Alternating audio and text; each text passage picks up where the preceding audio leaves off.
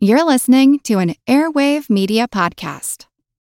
Hello, it is Ryan, and we could all use an extra bright spot in our day, couldn't we? Just to make up for things like sitting in traffic, doing the dishes, counting your steps, you know, all the mundane stuff. That is why I'm such a big fan of Chumba Casino. Chumba Casino has all your favorite social casino style games that you can play for free anytime, anywhere with daily bonuses. That should brighten your day a little.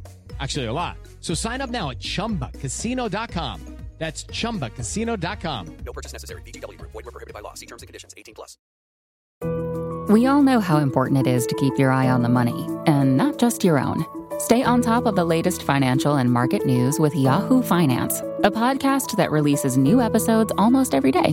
You'll hear a brief overview of the biggest news in the financial world, all in three minutes or less, right after markets close. Check out Yahoo Finance wherever you get your podcasts. That's Yahoo Finance wherever you get your podcasts. This is Kickass News. I'm Ben Mathis.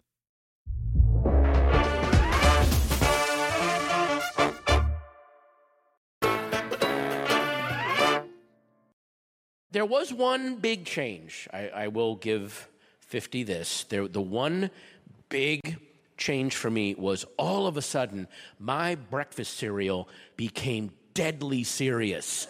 Like I like overnight. I remember recently my breakfast cereal was fun. The boxes were bright and there were words like sugar and pow and crisp. You turn the box over, and there was a word find or a maze. A maze. Help Sugar Bat get to his insulin. And now, all of all of my breakfast cereal. First off, the box is white. Hospital white. And there's a beige bowl, a color of beige I like to call bargaining beige. like, how many bowls of this do I have to eat so I can have one cool ranch Dorito at 3 o'clock today? How, that many? Ugh. That was a clip from the new Netflix comedy special Patton Oswalt, I Love Everything, out on May 19th. The Emmy and Grammy winning comedian reflects on hilarious existential anecdotes after recently embracing his 50s, which include a lot of hiking and eating ancient grains, passing up the chance to board a full scale Millennium Falcon so he could attend his daughter's second grade art show, and how buying a house is like hiring a suicide squad of superhuman subcontractors. And today, I'm thrilled to finally welcome Patton Oswalt to the show as he recalls coming up as a comedian at the dawn of the alt comedy scene, his first gig in Hollywood as a writer for Mad TV, and his prolific side gig as a script doctor on some of the biggest box office hits of the past two decades. He reminisces about his self proclaimed addiction to movies, his touching friendship with the owner of LA's most famous revival cinema, and his love of the films of Billy Wilder and Sidney Lumet. Then we talk about turning 50, finding love again after the death of his first wife, and turning his late wife's book about the Golden State Killer into a docu-series for HBO. Plus, what it was like going to college in that wild party town of Colonial Williamsburg, the time he donated to one of his Twitter trolls' crowdfunding campaign, and how he got Netflix to build him a house for his new special. Coming up with comedian Patton Oswalt in just a moment.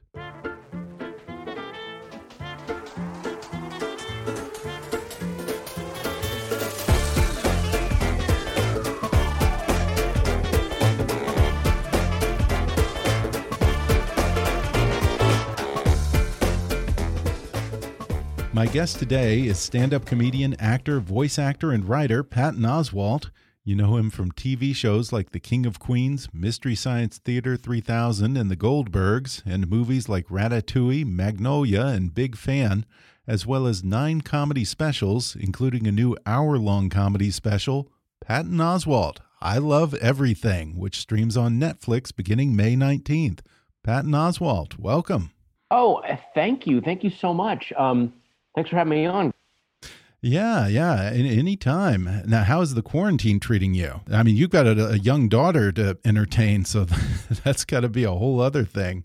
Um, well, I mean, luckily, um, her school and some of the parents have set up a really good like homeschooling schedule, and you know, activities, and we're doing like scheduled um, FaceTime play dates, I guess, and Yeah. trying to go for walks and everything. And but yeah, it's trying to keep things as normal as possible. Yeah, it's not easy. Yeah, I was just telling actually the the publicist from Netflix while we were talking uh, before you came on here that the other day my wife and I went on a walk in the neighborhood and I saw kids playing in the front yard and then one of the kids' friends and that kid's mom sitting on a blanket on top of their car on the street talking to them. it was the looked like the the worst possible play date imaginable, but Oh my god, that's but you do what uh, you got to do. I guess. Yeah. Wow, that's that sounds kind of. I mean, I, I don't know. I don't know if that's going to be one of those things that like we look back on and go, "Oh wow, that's uh, God, that's weird." Yeah, I keep thinking about that. I can't imagine what a movie about this era down the line 50 years from now would look like. Are kids going to look at this and say, wow, that was really weird? People weren't shaking hands and hanging out. Or will they be amazed that there was a time when we went to movie theaters and when we went to packed restaurants and stuff like that?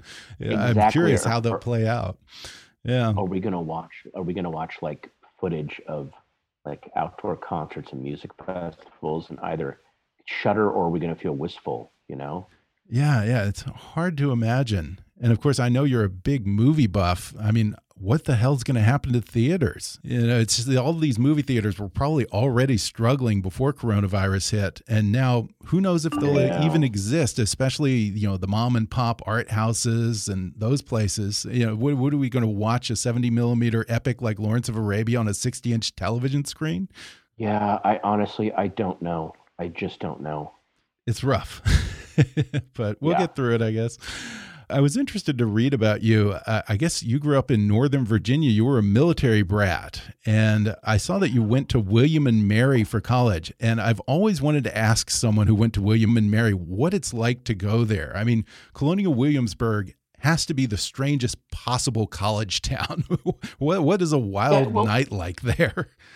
It was a little. I mean, we look. We were, college students. We managed to find a way to to get wasted and Yeah, uh, be silly. But um, there was that. You know, there were like the locals that would dress up like colonial figures and walk around, and then you'd kind of see them getting ready to go out, um, like you know Ben Franklin with a Walkman on.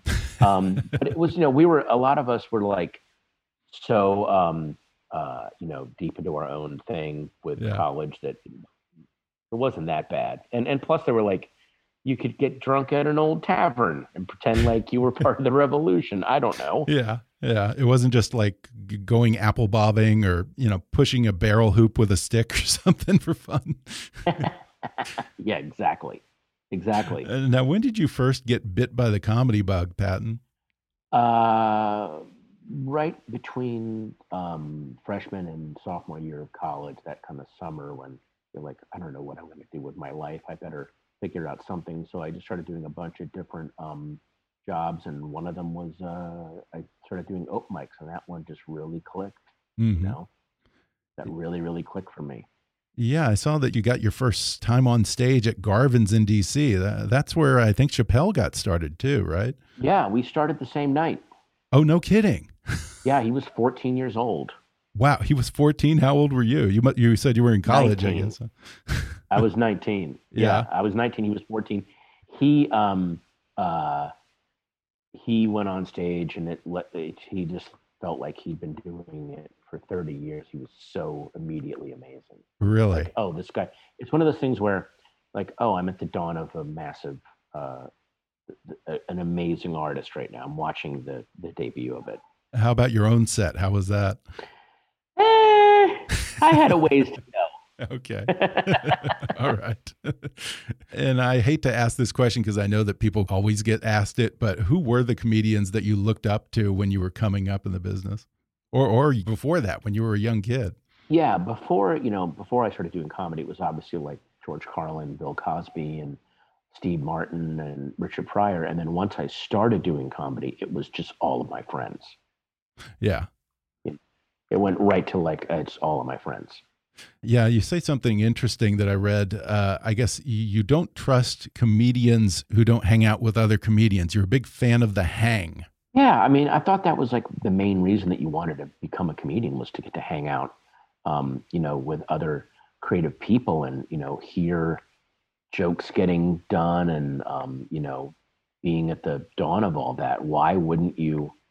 Why wouldn't you want to be there? Mm -hmm. You know. And I also heard you say, I think on a podcast, that you were a big fan of Henny Youngman. Me too. Uh, when I listened to that guy, especially his albums, which were recorded, you know, when he was No Spring Chicken, I'm just amazed at the mental agility and his ability to recall all those jokes in such rapid succession like that. Yeah, I was listening to some. Where was it? It was on the radio somewhere. At it was one of his albums, and it's yeah, just that rapid fire. Like sometimes the jokes weren't that good, but it was the it was the cumulative building up of it that really, um, after a while, that became what was funny, and really just kind of blew you away. You know. Yeah. Yeah, he was he was like a howitzer the way he would spit out those jokes, and, and he, sometimes it's like one joke didn't even have a chance to land before he was already on to the next one. It yeah, I know. I loved it. I just yeah. I love the pacing. Now, you came up at an interesting time in comedy because the 80s comedy boom was starting to wane, and you were just at the dawn of the alt comedy scene. Was that sort of a scary time to be a comic because, you know, mainstream comedy was in a slump and all these clubs were closing and here you guys were performing in bookstores and coffee houses and living rooms and you know, who knew then that there was even going to be any money in alt comedy or that alt comedy was even going to be able to sustain itself? Yeah, but I mean for me it was it was exciting because it was um about uh the fact that the people that were still doing it were the people that really wanted to do it no matter what. Mm-hmm. Um, so to be able to be with again, it, it became a, a, different version of the hang of oh, we get to actually um, be with people that want to do this, even if they have to have a day job, rather than people that are just like, ah, it's easy, whatever, just do these few hack jokes, who cares? So that kind of camaraderie and excitement. It didn't feel scary to me. It felt like, oh, these are the people who should be doing comedy and should be getting the attention. So it mm. felt great you know? Uh, yeah, and in your book, Silver Screen Fiend, I remember you talking about how that was when you realized sort of the difference between the comedians that you would see at somewhere like Garvin's, who were all just gunning to get a comedy special, versus the comedians who were true artists, who were just doing it for the laugh, and, and oftentimes just to make each other laugh. Exactly. Yeah, there was a lot of that. You know, sometimes it got a little too insular, but mm -hmm. the excitement of just doing something purely creative was still there and that sustained it i think and definitely sustained me yeah. you know and I like that you brought up the problem of comedy getting too insular sometimes because I've heard you say that you felt most at home performing at the Largo here in LA, which was one of the first places where alt comics could get stage time at an actual club. And I think you still perform there a couple of times a month, even today. But earlier in your career, you say that you would catch yourself and other comedians getting a little too comfortable there, that it would almost become too much of a bubble what would kill with that specific audience wouldn't always play very well at mainstream clubs or on the road. At a certain point, did you just have to make a choice that you just didn't want to only well, be a Largo comic?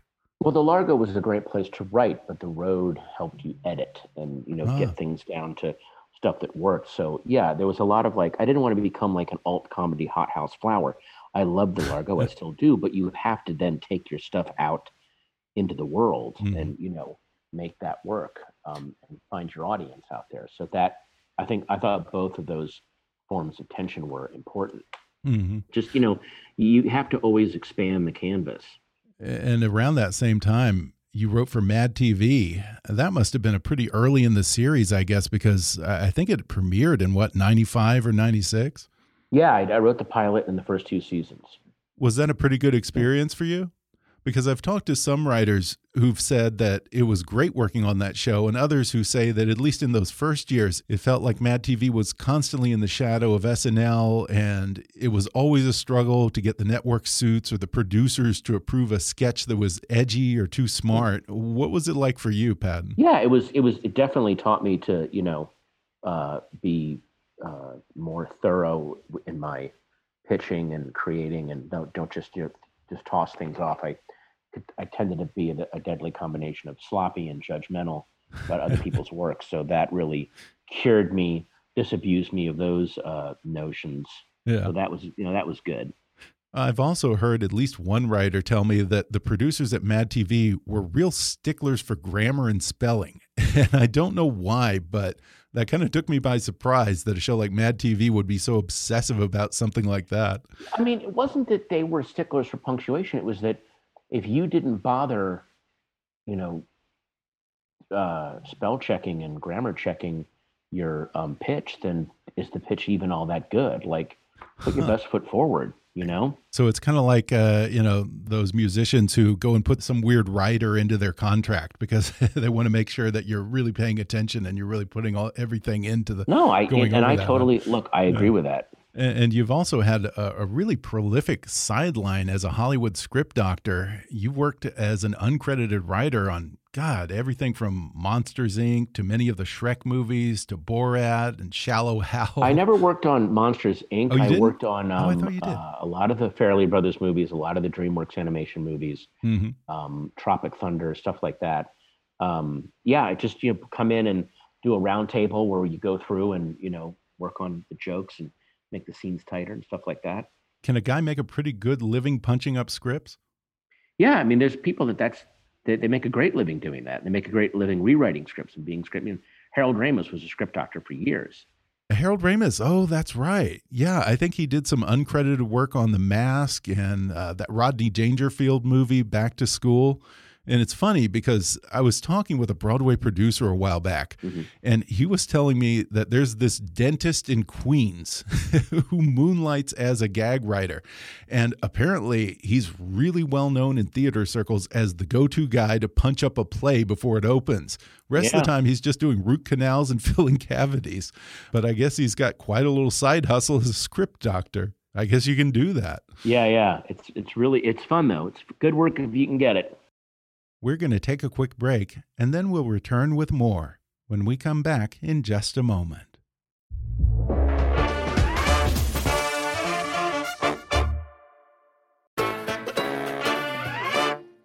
Now, I mentioned earlier that you're also a huge movie buff, and I absolutely loved your book, Silver Screen Fiend, in which you lovingly talk about your quote unquote addiction to revival house movies back in the 90s, and in particular to the New Beverly Cinema, which is a place that I just love and have so much history with myself.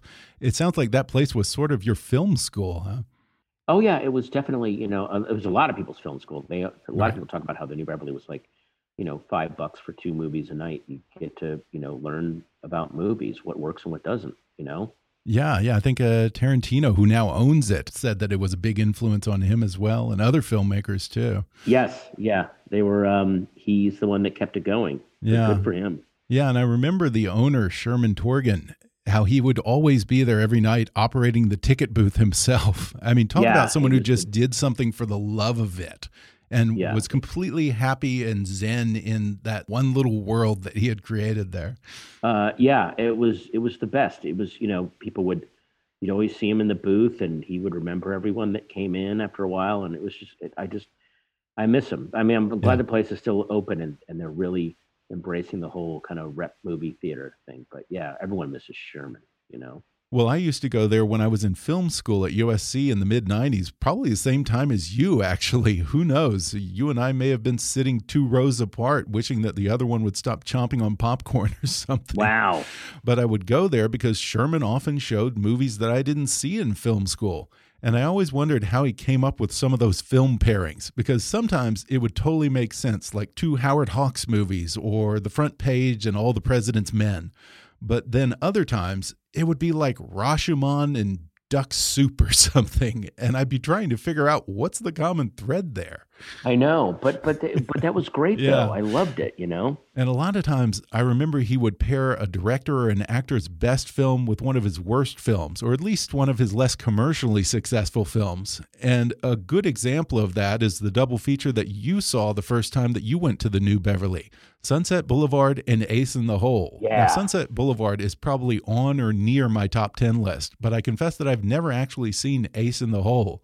And I know that it bombed horribly at the box office when it originally came out. Is Ace in the Hole a pretty good movie? Yeah, I mean, it, it, it was a huge bomb when it came out, but it's aged very, very well. You know the Billy Wilder movie that hasn't yeah. aged well? I just realized this very recently. Sabrina. I've probably seen it at least half a dozen times, but then I watched it with my wife recently. And I don't know if this is a result of the Me Too era or what, but she's like, why the hell is this sad, desperate girl, Audrey Hepburn, throwing herself at this feckless playboy who doesn't even give her the time of day. Ow. And next thing you know, this bunch of rich assholes is trying to buy her off to get rid of her. And then yeah. they think, oh, they can just pawn her off on the old broken down brother, Humphrey Bogart, who had to be at least twice her age. And he's planning to ditch her and send her off to Paris alone. But then at the last minute, he suddenly has a change of heart and she just falls into his arms like nothing ever happened. and my wife opened my eyes. Uh, this story is pretty messed up. I mean, that's not the kind of woman that you or I would ever want our daughters Ow. to grow up to be, is it? I haven't seen that in a while. I'll have to check that out again. I, I, I remember seeing it at the New Beverly, actually. Oh, really? I got to go see that again. A lot of his comedies, I, I went and saw Kiss Me Stupid a few years ago, which I don't think was well regarded when it came out, but mm. man, that thing is not funny. Yeah. And I was trying to watch Love in the Afternoon, and that one oh, also yeah. was just like, ah, maybe this yeah. was a different time. Yeah, yeah, yeah. I totally get that. You know? And you've described that period of life as an addiction of sorts to classic films. You would go see a movie almost every night, and even had this funny superstition, I guess, about not going to clubs and yeah. performing unless you had seen a movie that day. Well, that's what the whole book was about, yeah. But I love this quote from your book. You say that at the drunkest, the worst that you would do is watch Murder on the Orient Express and fall asleep. yeah, exactly. yeah, I, I, have terrible drug stories. And I'm assuming that you mean the Sidney Lumet version with Albert Finney yes. as Poirot and not the Peter Ustinov or Kenneth Branagh versions. Well, when I wrote the book, the new one wasn't out yet. Oh, yeah, oh, the right. new one didn't exist. And what a cast. Lauren Bacall, Ingrid Bergman, Sean Connery, John Gielgud, Vanessa Redgrave, I think Michael movie. York. Genuinely great movie. I can't think of a movie that had more star power since then. I mean, what a group of actors. And the score for that movie was just fantastic. Oh, I know. That's a great one. My family and I actually just yeah. recently took the real Orient Express from Paris to Venice, and I had that theme music on repeat the whole time. And it's funny because it would seem like such an unlikely fit for a director like Sidney Lumet. Except Murder on the Orient Express has really dark stuff in it. True. That last scene, man, where they're stabbing mm -hmm. him. Yeah. Well, Patton, one thing I've learned from doing some 500 interviews like this is you just never know what you're going to find out under the trivia section in a person's IMDb profile. Now, I honestly don't know if this is true. It would seem a little out of place for such a film buff like you.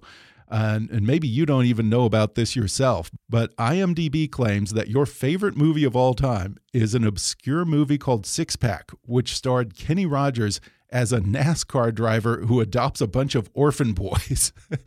I, can't judge because I've never seen it, but it, it's kind of hard for me to believe that you would rank a Kenny Rogers movie up there with Sunset Boulevard and Casablanca and all the classics. Have you even seen this movie? I, I don't. I think someone added that to my. I, I, haven't read my IMDb profile. I think someone added it as a joke. I, oh. I don't know oh. what that. I don't know what that movie is.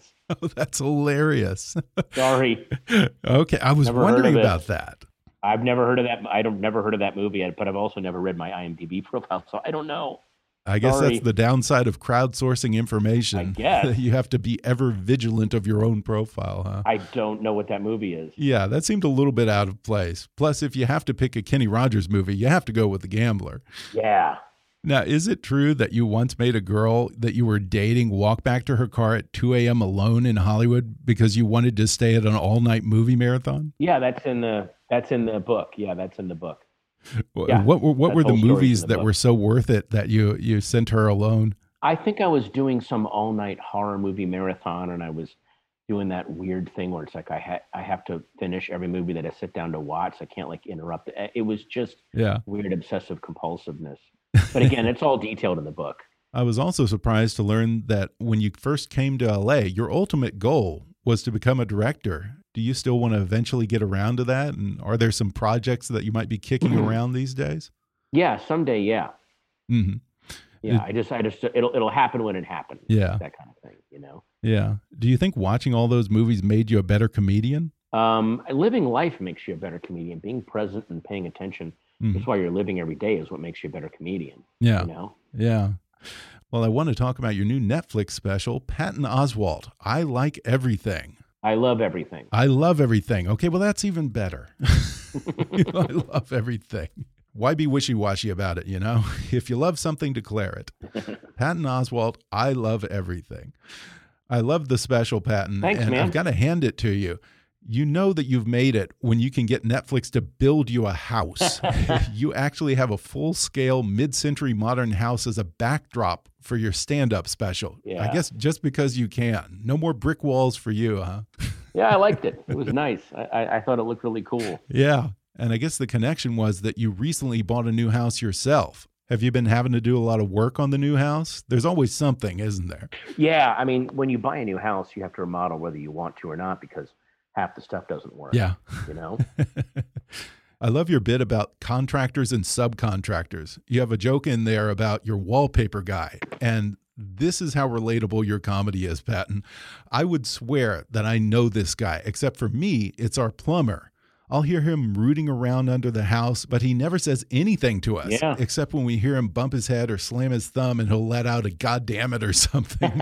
but then he'll Yeah, just exactly. vanish. Exactly. And we never know if he's finished or if he had to go out and get parts or if he's coming back tomorrow. I don't get a text from him saying I had to take off. Nothing. Just total Wow. radio silence. It's bizarre. I practically have to chase him down just to pay him. oh my God. Oh, it's crazy. Yeah. You also talk about your new marriage in this special. I guess when your first wife passed away, you say that you thought that you were just going to quietly resign yourself to being a confirmed old widower and focus all your energies on raising your daughter. But then, apparently, much to your surprise, love came back into your life quite unexpectedly. And I remember when it came out that you were remarrying, I heard some people out there being very judgy and saying it was too soon. And in some cases, these were the same people who were so quick to virtue signal their empathy for you when you were grieving. But the moment that you try to find a little happiness in this world, they just want to criticize you. When you started writing this new special, did you feel any pressure to talk about this in your act and explain how it all happened so quickly? Um, no, I mean, I think a lot of those people were just concerned trolls trying to get attention. So Yeah. I just ignored them like I do most trolls. Just ignore them. It doesn't, it's, and also the internet, the internet, it's just electrons. It doesn't exist. Yeah, it's not real Yeah. life. And I saw that you got married at the old Jim Henson Studios, which is perfect for an old movie buff like yourself Mhm. because that's the old Charlie Chaplin Studios. Yes. Yeah, that was his, uh, I think he filmed the Gold Rush there or something. Yeah, he, I think a lot of them. I think the Gold Rush, City Lights, The Great Dictator. Uh, it was. I think it was also A and M Records for I don't know a few decades, which was uh, what Herb Alpert and Jerry Moss's outfit. So who knows how many people recorded Um, there? Yeah, yeah. I mean, it was it was amazing. A lot of uh, music videos got shot there in the '80s, as I understand. Man, if those walls could talk. Yeah, So you recently reached a milestone in your life, the old half century mark. You turned the big five zero. What's that been like so far? just great. You know, I, it, it wasn't really, it didn't really feel like anything. It was just, you know, oh, it's another. I don't feel any different. I guess. Yeah. I mean, I talk about it in the special that I turned 50 and nothing really happened. Yeah, You know. you you haven't had a, a midlife crisis, or did you already get that out of the No. way? No, I just, I mean, I, I'm do what I, I'm doing what I want to do in my life. Yeah. So I think that kind of prevents you having a crisis if you're actually doing what you wanted to be That's true. You know? And what is, what is midlife anymore? Uh, it used to be the go over the hump was 40, but now Yeah. everyone's living to like 85, 90, 95. Yeah. I, again, I, I think it ships all the time. Yeah. You do say that since you turned 50, you've been doing a lot of hiking lately. That and yoga are just the quintessential LA exercise, aren't they? And I like it because exactly. I get something out of it other than just being able to work out. It's nice to get out there in the hills and just be with your thoughts, listen to a podcast, or bring a friend and socialize. Yeah, but of course you can't do that now because all the trails are shut down because everyone's distancing. I know. Although I think they just opened them back up. What's your favorite trail in LA? Runyon. Uh, different canyons, you know, Runyon, Yeah. yeah, Uh, Griffith Park. yeah, I love the Griffith Park hike because it's just a great scenic trail and you can always end things with a coffee at the observatory. But I've never actually been to Runyon Canyon. I've lived in LA for 25 years and never hiked Runyon. Wow. And of course, this is such an LA conversation to have. And I apologize to anyone listening from the other 49 states. Yes. But my impression has always been that Runyon is more about the whole scene than it is about the hike. People go there to pick up and star watch and see and be seen. And me, I don't want to see or be seen by anyone when I'm that sweaty. Yeah, I mean, no one's really, but luckily it's LA, so no one's paying attention to each other, so you can just kind of do whatever you want. I- I've never really been worried about that. Yeah, yeah. Now, not to get all political on you, but you've made no secret about your feelings about Donald Trump on Twitter. You are not a fan, and Yeah. for good reason, I think. But you also say that you don't do any Trump material on stage anymore. In fact, I love that line that you have in the special that being a comedian during the Trump presidency is like being the MC in the movie Cabaret. Right, yeah, exactly. If you get my drift. But a while back, you did something pretty incredible. There was a Trump supporter who trolled you on Twitter. I don't know what the comment was about Trump, but he just lit into you and said some pretty hateful things. And instead of throwing hate back at him or just ignoring him, you actually took the time to look at his Twitter profile and see who this person is. Turned out this guy was, I guess, going through some difficult times and had a GoFundMe campaign to help him pay for some pretty hefty medical bills you actually made a donation to help him out. That was a really, really decent thing that you did. And you certainly didn't have to do that. Do you hope that that one act of kindness just might have changed that guy's perspective a little and convinced him to dial down the outrage a little bit? Maybe even persuaded him to see you and other people with whom he might differ over politics in a little bit of a different light? Um, I don't know. I mean, it, it's it's not wasn't so much about changing his opinion, which was it was more about like letting other people see that and um, maybe uh, you know it'll help them maybe bring people together. I again I don't know. It just it was he was so hateful, and then I when I looked at his you know life and saw what his situation was, I'm like, oh, maybe I'll help this guy out. You know, yeah, yeah. He had fallen in pretty hard times. I think he had come out of a coma or something like that. Is that right? something like that, or he would had sepsis. I I, I forget that was a while ago, right? Yeah. I, I honestly can't remember. Yeah, it's a shame that it takes such a big gesture like that to convince people to set aside the politics and see each other as human beings again. Sure. Yeah. Before we go, Patton, I read that HBO is doing a series of your late wife, Michelle McNamara's book, I'll Be Gone in the Dark, about the hunt for the Golden State Mhm. Killer. Are you very involved in Mhm. that project? And can you tell us a little about it? Yeah, I'm the exec producer on that. It's already done. It premieres on June 28th. The trailer came out two days ago. And if I have this right, your late wife is actually responsible for coming up with that moniker, the Golden State Killer. Yes. Yeah. I got to hand it to her. That was pretty good. Because Yeah. before that, I think that they had all of these terrible nicknames for him, like the Visalia Ransacker and the other Night Stalker or something. He had like two different names, and none of them really landed. And yeah. and in a very dark way, it's like, yeah, the branding, I guess, helps. You know. Yeah. Yeah. I hear David Berkowitz is really working on building his brand on Etsy these days. Well, I really look forward to the HBO series. What a wonderful way to pay tribute to Michelle and all the hard work that she put into catching this monster. And in the meantime, I really encourage people to check out your new comedy special. It is really, really hilarious. My wife and I just laughed so hard. It's called Patton Oswalt I Love Everything, and it's out on Netflix May 19th. Hey, Patton, this was great. Thanks so much for chatting with me. Thanks, man. Thanks for having me on. Thanks again to Patton Oswalt for coming on the podcast. Watch Patton Oswalt, I Love Everything, streaming on Netflix beginning May 19th. And follow Patton at pattonoswalt.com or on Twitter at, at pattonoswalt.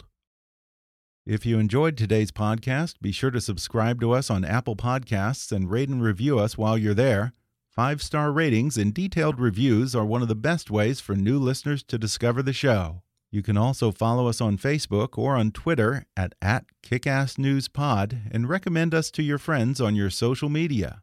For more fun stuff, visit kickassnews.com, and I welcome your comments, questions, and suggestions at comments at kickassnews.com. For now, I'm Ben Mathis, and thanks for listening to Kickass News.